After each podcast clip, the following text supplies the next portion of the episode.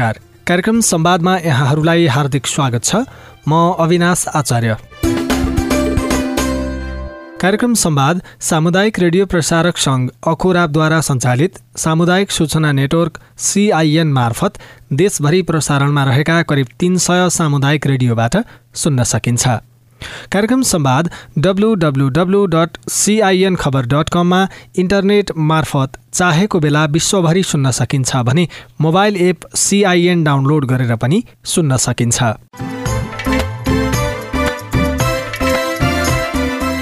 Old Vision International नेपालसँगको सहकार्यमा तयार पारिएको यो कार्यक्रम बालविवाह लगायत हानिकारक परम्परागत अभ्यासहरूको अन्त्यका लागि भइरहेका प्रयासमा केन्द्रित रहनेछ।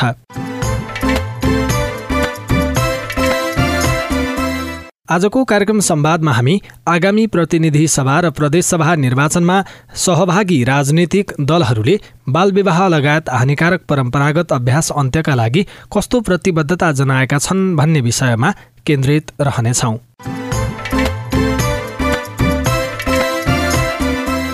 हानिकारक परम्परागत अभ्यास अन्त्यका लागि नेपालको संविधानले मौलिक हक अन्तर्गत धारा उन्तिसमा प्रत्येक व्यक्तिलाई शोषण विरुद्धको हक प्रदान गरेको छ। यसै गरी उपधारा दुईले धर्म प्रथा परम्परा संस्कार र प्रचलन वा अन्य कुनै पनि आधारमा कुनै पनि व्यक्तिलाई शोषण गर्न पाइने छैन भनी स्पष्ट रूपमा व्याख्या गरेर हरेक व्यक्तिले हिंसामुक्त जीवनयापन गर्न पाउने अधिकार पनि सुनिश्चित गरेको छ। तर पनि यस्ता विभेदको अन्त्य नै हुन भने सकेको छैन। हानिकारक परम्परागत अभ्यास अन्त्यका लागि आगामी प्रतिनिधि सभा र प्रदेशसभा निर्वाचनमा सहभागी राजनीतिक दलले आफ्ना घोषणापत्रमा कस्तो प्रतिबद्धता गरेका छन् त? आजको कार्यक्रममा हामी सोही विषयमा छलफल गर्नेछौँ।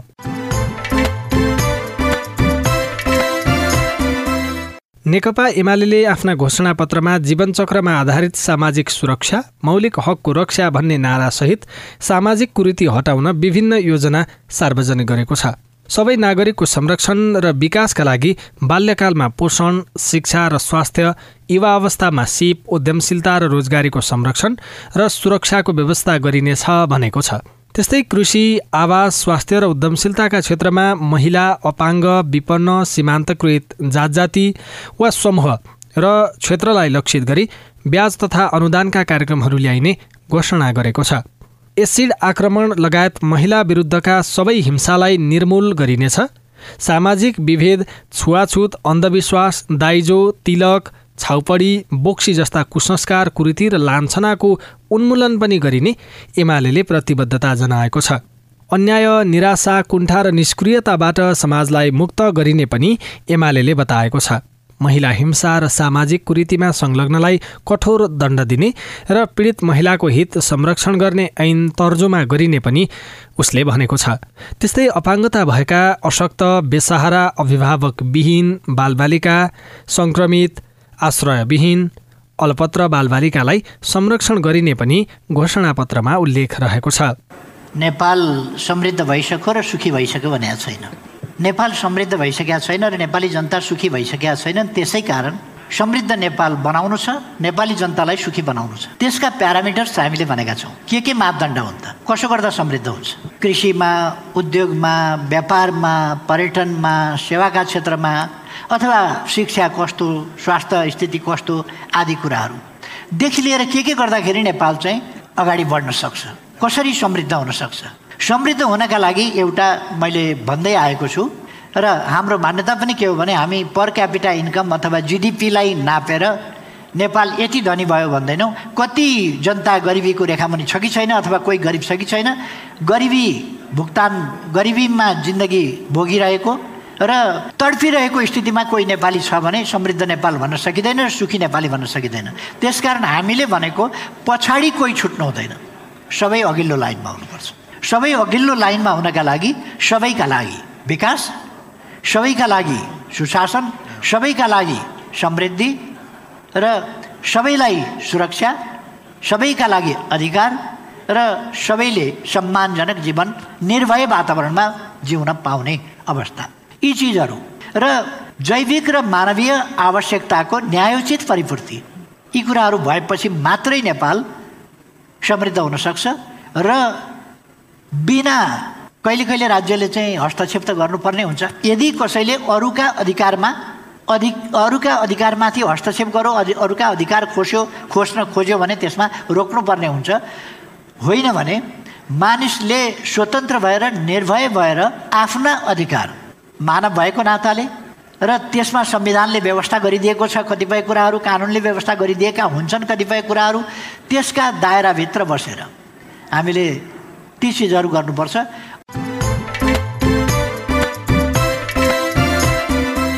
त्यस्तै नेपाली काङ्ग्रेसले पनि बालविवाह लगायत हानिकारक परम्परागत अभ्यास अन्त्य गर्ने प्रतिबद्धता व्यक्त गरेको छ। हामीले घोषणापत्र निर्माण समितिमा रहनुभएका नेता प्रताप पौडेलसँग कुराकानी गरेका छौँ। पहिलो प्रश्न चाहिँ यहाँलाई अब नेपाली काङ्ग्रेसले बालविवाह लगायत यो हानिकारक परम्परागत अभ्यासहरू छन् जति पनि सामाजिक कुरीतिहरू छन् यसको अन्त्यको लागि चाहिँ कस्तो प्रतिबद्धता जनाएको छ त? घोषणापत्रमा के उल्लेख गरेको छ? नेपाली कङ्ग्रेसले यसपटकको आफ्नो सङ्कल्पमा खास गरिकन नेपालमा अहिले पनि राज्यबाट नीतिगत रूपमा भइरहेका वा विभिन्न आवरणमा जस्तो खास गरिकन लैङ्गिक विभेद त्यसपछि त्योसँग सम्बन्धित असमान कानुनहरू कतिपय कानुनहरू अझै पनि त्यस्तो किसिमका छन्। कतिपय कानुन भएर पनि कारण हुन सकेका छैनन् खास गरी सामाजिक विकृति विसङ्गतिसँग सम्बन्धित त्यस्तै गरी जातीय विभेदसँग सम्बन्धित यौन हिंसासँग सम्बन्धित छुवाछुत लगायतकासँग सम्बन्धित। अघि तपाईँले भनेको जस्तै यो बाल विवाह लगायतका यो खाले जति पनि विकृतिहरू छन् यो विकृति र विभेद जन्य अवस्थाका सन्दर्भमा कानुनमा समस्या छ त्यो कानुनलाई तत्काल संशोधन गर्ने। जुन कानुनमा भएर पनि प्रभावकारी ढङ्गले कार्यान्वयन भएको छैन तीलाई कार्यान्वयन गर्ने कुरा प्रभावकारी ढङ्गले गर्ने। र यस्ता खाले विभेद पूर्ण अवस्थामा यो कानुनी दायराभित्र कारवाहीको दायराभित्र ल्याउने कुराको एउटा सङ्कल्प गरेको छ। अहिले जुन जुन विषयलाई हामीले सामाजिक रूपमा यस यो अव्यवस्था छ यसलाई सुव्यवस्थामा ल्याउने प्रतिबद्धता एउटा यो नेपाली कङ्ग्रेसले गरेको छ। त्यस्तै गरेर अर्को सङ्कल्प चाहिँ सँगसँगै के गरेको छ भने हामीले भएका सरकार सञ्चालन गर्दाखेरि यसलाई यसरी कार्यान्वयन गर्छौँ भन्ने कुरा एउटा रह्यो अर्को अहिले पनि पार्टीभित्रै पनि संरचनागत रूपमा संस्थाहरूमा अन्यत्र पनि यस्तो किसिमको जुन यस्ता विकृति विसङ्गतिहरूलाई न्यूनीकरण गर्नका लागि रोकथाम गर्नका लागि नियन्त्रण गर्नका लागि यसमा यदि कोही यो पार्टीभित्र पनि यो हिंसा जातीय भेदभाव सामाजिक विभेद लैङ्गिक विभेद सामाजिक विकृति विसङ्गति यस्तो खाले कुरामा कोही कतै प्रत्यक्ष वा परोक्ष रूपमा संलग्न हुन्छ वा प्रोत्साहन गर्छ भने त्यो त्यस्तोलाई पनि प्रोत्साहन गर्न नदिने संलग्न नहुने कुरा हामी के गर्दैनौँ भन्ने छुट्टै प्रतिज्ञा नै राखेर त्यो प्रतिज्ञा गरेको छ। अर्को सार्वजनिक पद धारण गरेका कोही पनि व्यक्ति सार्वजनिक पद धारण गरेको पार्टीको तर्फबाट हुनसक्छ वा सरकार सञ्चालन क्रममा नेपाली कङ्ग्रेसले सरकार सञ्चालन गर्दै गर्दा कोही पनि व्यक्ति सार्वजनिक पद धारण गरेको छ र त्यो यो खाले सामाजिक विकृति विचलन अनियमितता वा फौजदारी कसुरमा को आरोपमा छ भने त्यस्तोलाई तत्काल कुनै पनि पदबाट मुक्त गरेर छानबिन गर्ने कुराको पनि हामी प्रतिज्ञा गर्छौँ भनेर यो यो तिनवटा विषयहरूलाई प्रतिज्ञा र हामी यो अव्यवस्थालाई सुव्यवस्थामा बदल्नका लागि यो काम गर्छौँ भन्ने कुरा पार्टीले प्रष्ट यी विषयहरू राखेको छ। त्यसपछि यसलाई मैले अघि पनि भने कतिपय कुरा त कानुनी बनाउनु पर्ने हुन्छ। त्यो कानुन हामी एक वर्षभित्र यस्ता खाले कानुनहरू जति छन् यो सम्बन्धित त्यसको अभियान गरेर त्यसलाई संशोधन परिमार्जन वा नयाँ बनाउनु पर्ने हो वा कार्यान्वयन गर्नका लागि संयन्त्र फितल हो भने संयन्त्र बनाउनु पर्ने हो भने त्यो पनि हामी चाहिँ गर्छौँ भनेर भनेको छ। यसअघिका निर्वाचनका घोषणापत्रहरूमा पनि यहाँहरूले सामाजिक कुरीतिका विषयलाई स्थान दिनुभएको थियो। तर कार्यान्वयन पक्ष चाहिँ अलिक फितलो हुने भन्ने खालको गुनासोहरू पनि आउँछन् जनगुनासो। त्यो हुँदाखेरि चाहिँ अब चाहिँ यहाँहरूले प्रतिबद्धता पत्रमा सङ्कल्प पत्रमा उल्लेख गर्नुभएका विषयहरू कार्यान्वयनको लागि ग्यारेन्टी चाहिँ के के गर्नुहुन्छ कसरी गर्नुहुन्छ भन्न खोजेको? हो यस कतिपय के पनि भएको छ भने पार्टीहरूले घोषणापत्र लेख्ने कुरा चुनावमा लेखिन्छन्। र ती कार्यान्वयन हुँदैनन् भन्ने आम रूपमा त्यो किसिमको घोषणापत्रकै सन्दर्भमा अविश्वास सिर्जना हुने अवस्था पनि विगतका दिनहरूले भएको छ। यो धेरै सबैजसो पार्टीहरूले चुनावका बेलामा लोकप्रिय नाराहरूसहित घोषणापत्रमा लेख्ने गरिन्छ तर पछि कार्यान्वयन हुँदैन भन्ने विषय छ। यसलाई पनि यो यसपटक सङ्कल्प पत्र लेख्दै गर्दा यो विषयमा पनि घनीभूत रूपमा छलफल भयो। र यसमा दुईवटा बाटाहरू पहिलो नेपाली कङ्ग्रेसले यसपटक आफ्नो सङ्कल्प पत्र लेख्दै गर्दा के गर्न सकिन्छ गर्न सम्भव छ भन्ने कुरा लाई यथार्थपूर्वक ढङ्गले गरे गर्ने र विगतमा भएका कमी कमजोरीहरूलाई पनि त्यो सहयोगैपूर्वक आफ्नो आलोचना गर्नु गरे विगतमा नभएका कुराहरू पनि त्यो विश्लेषण गरेर दृष्टिगत गरेको छ र अब कार्यान्वयन गर्ने कुरामा जुन कुरा गर्न सकिन्छ र सम्भव छ त्यसलाई गरौँ भन्ने कुरा राखेर त्यसलाई पनि विशेष गरी फोकस नै गरेर हामी अहिले अहिले विगतमा यस्तो किसिमको अव्यवस्थाहरू गरे। कार्यान्वयन नभएका कुरा पनि रहे। यसलाई हामी सुव्यवस्था बदल्ने प्रतिबद्धता प्रतिज्ञा गर्दछौँ भन्ने किसिमले त्यसलाई यथार्थ रूपमा गर्न सकिने कुराहरूलाई अगाडि बढाएको छ। विगतमा पनि यिनै विषयहरू थिए। पहिला पहिला चुनावहरूमा यस्ता विषयहरू केही चाहिँ परेका थिए कार्यान्वयन भएन भन्ने कुरा जाएको छ। र यो कार्यान्वयन इकामी तौरको घोषणापत्रमा पनि र यो पटक पनि एउटा के कुरा राखेको छ भने यहाँहरूले घोषणापत्र हेर्नुभयो भने त्यसमा हाम्रो प्रतिज्ञा अन्तर्गत एउटा लाइन राखेको छ जहाँ के भनेको छ भन्दा यो सङ्कल्पमा उल्लेखित विषयहरू। योलाई कार्यान्वयन गर्नका सन्दर्भमा पार्टीले कार्यान्वयन भए नभएको सन्दर्भमा एउटा अनुगमन र मूल्याङ्कन संयन्त्र बनाउँछ। प्रभावकारी अनुगमन र मूल्याङ्कन गर्ने गरेर हरेक आर्थिक वर्षको आर्थिक वर्ष समाप्त भएको दुई महिनाभित्र पार्टीले पार्टी अडिट गर्ने व्यवस्था गर्छ भनेको यो निर्वाचित भएको जुनसुकै तहको पदाधिकारीले र जुनसुकै तहको सरकारले यो पार्टीको सङ्कल्प पत्रमा लेखिएका कुराहरू कार्यान्वयन गर्ने कुरामा कुन गति लियो किन गर्न सकेन?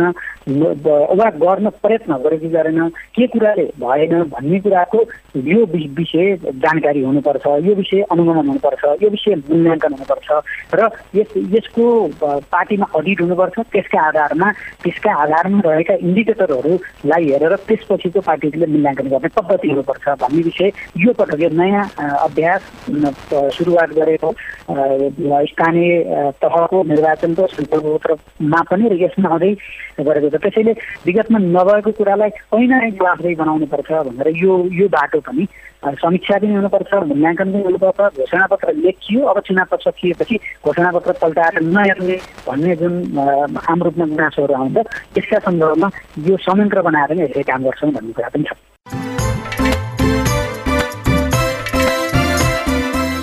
तपाईँ अहिले साप्ताहिक रेडियो कार्यक्रम संवाद सुनिरहनु भएको छ। ओल्ड भिजन इन्टरनेसनल नेपालसँगको सहकार्यमा सिआइएनले तयार पारेको यो कार्यक्रम बालविवाह लगायत हानिकारक परम्परागत अभ्यासहरूको अन्त्यका लागि भइरहेका प्रयासमा केन्द्रित रहेको छ। समानुपातिक समावेशिता आफ्नो उपलब्धि भएको दावी गरेको माओवादी केन्द्रले चुनावी घोषणापत्रमा पनि उनीहरूलाई लक्षित कार्यक्रमहरू अघि सारेको छ। राज्यका हरेक निकायमा कम्तीमा पैँतिस प्रतिशत महिला सहभागिताको सुनिश्चित गर्ने दलित जनजाति थारू मधेसी मुस्लिम लैङ्गिक तथा यौनिक अल्पसङ्ख्यक अपाङ्गता भएका व्यक्ति जनयुद्धका घाइते तथा पीडितलाई कोटा छुट्याएर सरकारी गैर सरकारी कम्पनी बैङ्क विश्वविद्यालयको रोजगारी र सबै क्षेत्रमा राजनीतिक लाभको पदमा मनोनयनको व्यवस्था गर्ने समेत घोषणा गरेको छ। आदिवासी जनजाति मधेसी मुस्लिम लगायतको समानुपातिक समावेशी प्रतिनिधित्वलाई सुनिश्चित गर्ने प्रतिनिधि सभा तथा प्रदेश सभाको निर्वाचनमा महिलाको लागि प्रत्येक प्रत्यक्षतर्फको तेत्तिस प्रतिशत निर्वाचन क्षेत्र नै आरक्षित गर्ने निर्वाचन क्षेत्र नै आरक्षित गर्ने र समानुपातिक तर्फको तेत्तिस प्रतिशतको निम्ति भएको व्यवस्था व्यवस्थाको विधि संशोधनमा पहल गर्ने।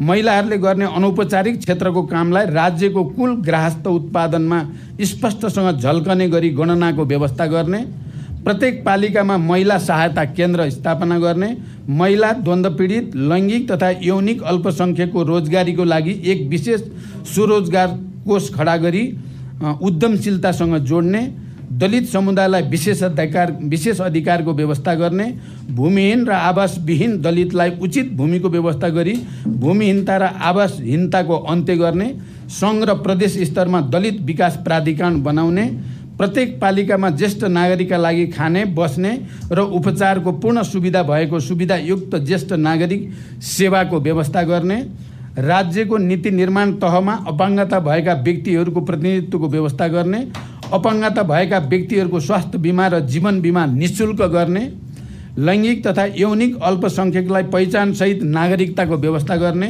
भ्रष्टाचारप्रति शून्य सहनशीलताको नीति लिने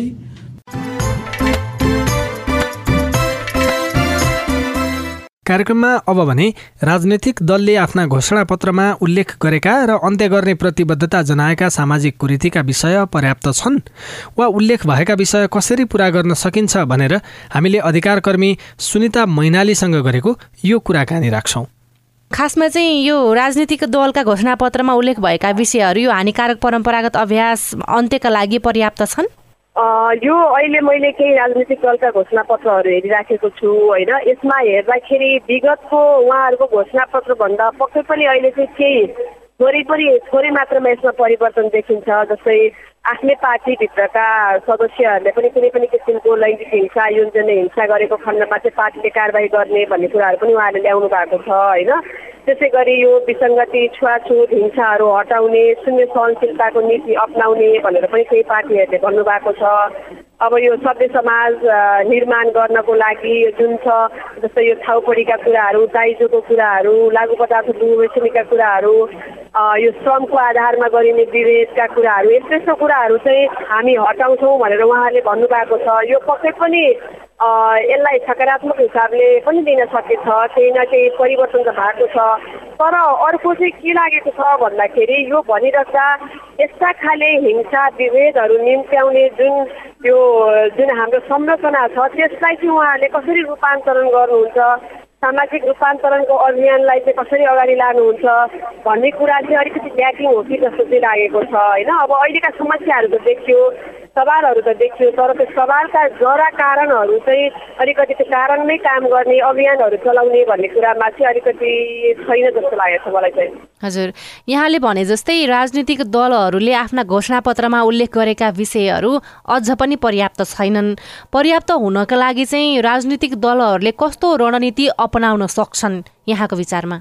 उहाँहरूले के गर्न सक्नुहुन्छ भन्दाखेरि एउटा भनेको जुन संविधानले नै सुनिश्चित गरेका जुन हाम्रा मौलिक अधिकार हुन् त्यो मौलिक हक अधिकार कार्यान्वयनको लागि चाहिँ हामी प्रतिबद्ध छौँ भन्ने कुराहरू चाहिँ उहाँले भन्नु पर्यो र अर्को कुरा चाहिँ के छ भन्दाखेरि उहाँहरूले यो भनिराख्दाखेरि अहिले जुन हामीले महिलाको समानुपातिक समावेशी नेतृत्वको अधिकार सहभागिताको अधिकारको कुरा गर्छन् तर अहिलेकै उहाँहरूको अभ्यासमा प्र्याक्टिसमा कति प्रतिशत महिलाहरूलाई चाहिँ उहाँले प्रत्यक्ष निर्वाचनमा चाहिँ उठ्ने मौका दिनुभयो त होइन? कतिलाई कति महिलाहरू छन् त भन्दाखेरि चाहिँ एकदमै न्यून छन्। अब यो कुराहरू हेर्दाखेरि अहिले चुनावको मुखमा आएर अलिकति यो लोकप्रियता कमाउनको लागि पनि केही राम्रा कुराहरू त छन्। तर कार्यान्वयनको पाटोमा चाहिँ के पक्कै उहाँहरूले भोलि जितेर गएको खण्डमा यो कार्यान्वयन हुन्छ त भन्नेमा चाहिँ हाम्रो ठुलो प्रश्न छ। र अर्को कुरो भनेको चाहिँ हामीले राजनीतिक विभिन्न चरणमा राजनीतिक आन्दोलनहरू गरेर राजनीतिक परिवर्तनहरू त ल्यायौँ तर त्यो राजनीतिक परिवर्तनलाई संस्थागत गर्नको लागि चाहिँ यो सांस्कृतिक रूपान्तरण बिना त त्यो सम्भव छैन। किन भन्दाखेरि हाम्रो माइन्डसेट त हिजोकै छ हामीले सोच्ने तरिका पनि हिजोकै छ। त्यो भएको कारणले गर्दाखेरि सांस्कृतिक रूपान्तरण बानी बेहोरा आचरणमा परिवर्तन आउने खाले कार्यक्रमहरू हामी गर्छौँ अभियानले अगाडि बढाउँछौँ र जुन यो संरचनागत विदेश शक्तिको आडमा महिला पछाडि पारिएको वर्गलाई जुन किसिमको हिंसा र विभेद गरिएको छ। त्यो शक्ति संरचनालाई चाहिँ रूपान्तरण गर्नको लागि चाहिँ हामी कार्य गर्छौँ भन्ने खाने कुराहरू आउनुपर्छ। तर जति आएको छ त्यो आएको कुरा पनि साँच्चै भोलि कार्यान्वयन हुन्छ त भन्नेमा चाहिँ हाम्रो प्रश्न नै छ। यसअघि पनि राजनीतिक दलहरूले आफ्ना घोषणापत्रमा यो हानिकारक परम्परागत अभ्यासका विषय उल्लेख नगरेको भने होइन यहाँले पनि भनिसक्नु भएको छ। तर विजयी भइसकेपछि आफ्ना घोषणापत्रमा भएका विषयहरू कार्यान्वयनमा लाने विषयमा चाहिँ अलि कम प्रभावकारी देखिएको भन्ने जस्तो नभएको भन्ने गुनासोहरू पनि आउँछन्। घोषणापत्रमा उल्लेख भएका विषयहरूको प्रभावकारी कार्यान्वयनको लागि राजनीतिक दलहरूले के गर्नुपर्छ? मैले अघि पनि यसमा अलिकति भने यो त्यही त यो प्रश्न गर्ने ठाउँहरू हाम्रो धेरै नै छन् होइन? अब उहाँहरूले मेन भनेको हाम्रो उहाँहरू आफै रूपान्तरित हुनु पर्यो। पार्टीभित्र रूपान्तरण लिएर आउनु पर्यो। पार्टी पद्धति उहाँले सोच्ने तरिका उहाँले निर्णय गर्ने तरिकाहरू छन् लोकतान्त्रिक छ कि छैन। त्यहाँ महिला पछाडि पारिएको वर्गको चाहिँ अवस्थालाई उहाँहरूले कसरी स्वीकार्नु भएको छ त्यो पनि एउटा हानिकारक परम्परागत अभ्यास हो। जुन तरिकाले अहिले उहाँहरूले महिलाहरूलाई चुनावमा जुन तरिकाले उठाउनु भएको छ त्यो पनि महिलाहरूलाई हेर्ने एउटा विवेचकारी दृष्टिकोण नै हो। त्यही भएर आफ्नै पार्टीभित्र आफ्नै पार्टी पङ्क्तिभित्र चाहिँ कसरी उहाँहरूले यस्ता आफूभित्र रहेका हानिकारक परम्पराका सोच छन् त्यो सोचलाई चाहिँ उहाँले कसरी रूपान्तरण गर्नुहुन्छ भन्ने कुरा चाहिँ छ। तपाईँले भनेको जस्तो पहिले पनि यस्ता कुराहरू आएको थिए। तर हामीसँग धेरै उदाहरणहरू छन्। पार्टीको घोषणापत्रले बोल्यो उहाँले चुनाव जित्नुभयो जानुभयो जनताको म्यान्डेट पाउनुभयो। तर लैङ्गिक हिंसाको सवालमा कति धेरै कुराहरू राजनीतिकरण गरियो? त्यो त हामीसँग धेरै उदाहरणहरू छन्।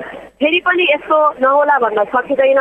त्यो भएको कारणले गर्दाखेरि आफ्नो पार्टीभित्र चाहिँ उहाँहरूले लोकतान्त्रिक पद्धतिलाई बलियो बनाउनु पर्यो। जब उहाँले लोकतान्त्रिक पद्धतिलाई बलियो बनाउनुहुन्छ तब उहाँहरूले लैङ्गिक असमानता जातीय वर्गीय असमानताको विरुद्ध पनि उहाँहरूले चाहिँ सङ्गठित भएर अगाडि बढ्न सक्नुहुन्छ। सो रूपान्तरण हुँदै रूपान्तरणको अभियानलाई चाहिँ उहाँहरूले हाँक्न सक्नुहुन्छ जस्तो लाग्छ मलाई।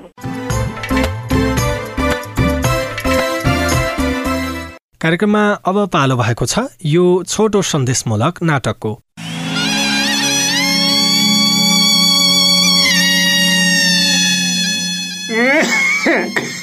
ओए भाउ उठै के उठ। बेली बाहा बेल्टी हाँटै ढुल्याएको होस्। खाना पका भाँडा हाँडा धो। जा तेरो काम क्या छ? अब तेरा बुवामा कहाँ कहाँ काम गया तेरो काम केही पनि नै गाउँ गाउँमा डुल्ने दुनियाँ टुवाटे हात भुल्ने।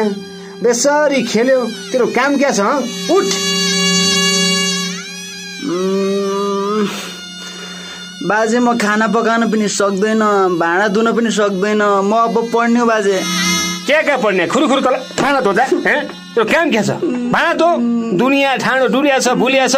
भाँडा खाना धोजा रोइकन साँची पनि नछै ल यी भाँडा ल जा। सब भाँडा धोइ। धो।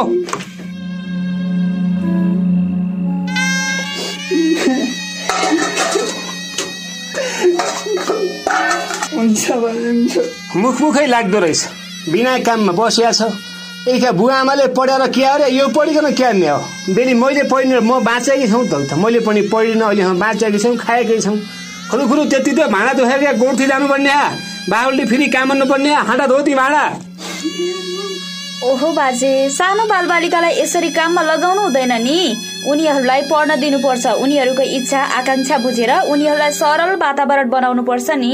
यसरी बाल हिंसा गर्यो भने कानुनी कारवाही हुन्छ। थाहा छैन कि क्या हो हुँदैन कानुनी कारवाही के का कानुनी कारवाही अनि सानो बाबुको बुवा आमा नभएको बेला यसरी आफ्नो फाइदाका लागि नातिलाई यसरी काममा पेल्नुहुन्छ त?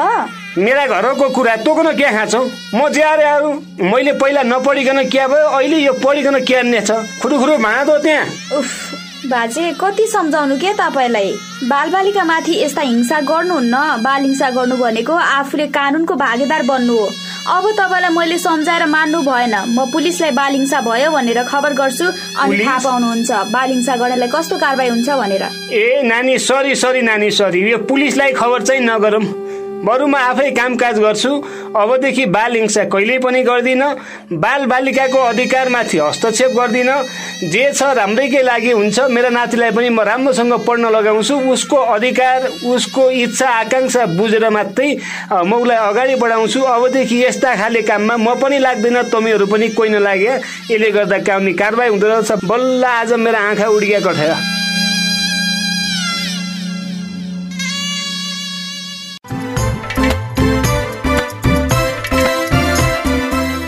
यो सन्देशमूलक नाटकसँगै कार्यक्रम संवादको निर्धारित समय सकिने लागेको छ। आजको विषयवस्तु तपाईँलाई कस्तो लाग्यो? बालविवाह लगायत हानिकारक परम्परागत अभ्यासहरूको अन्त्यका लागि तपाईँको केही अनुभव पो छन् कि? हाम्रो टेलिफोन नम्बर शून्य एक बाहन्न साठी छ चार छमा फोन गरेर दिइएको निर्देशन अनुसार तपाईँ आफ्नो अनुभव तथा सल्लाह सुझाव जिज्ञासा र प्रतिक्रिया रेकर्ड गराउन सक्नुहुन्छ। साथै तपाईँले हामीलाई हाम्रो Facebook page Community Information Network सिआइएनमा गएर पनि आफ्ना कुरा लेख्न सक्नुहुनेछ। हामी तपाईँको प्रतिक्रिया पर्खिरहनेछौँ। ओल्ड भिजन इन्टरनेसनल नेपालसँगको सहकार्यमा सिआइएनले तयार पारेको कार्यक्रम संवादबाट प्राविधिक साथी सुरेन्द्र सिंहसँगै म अविनाश आचार्य पनि बिदा हुन्छु। नमस्कार।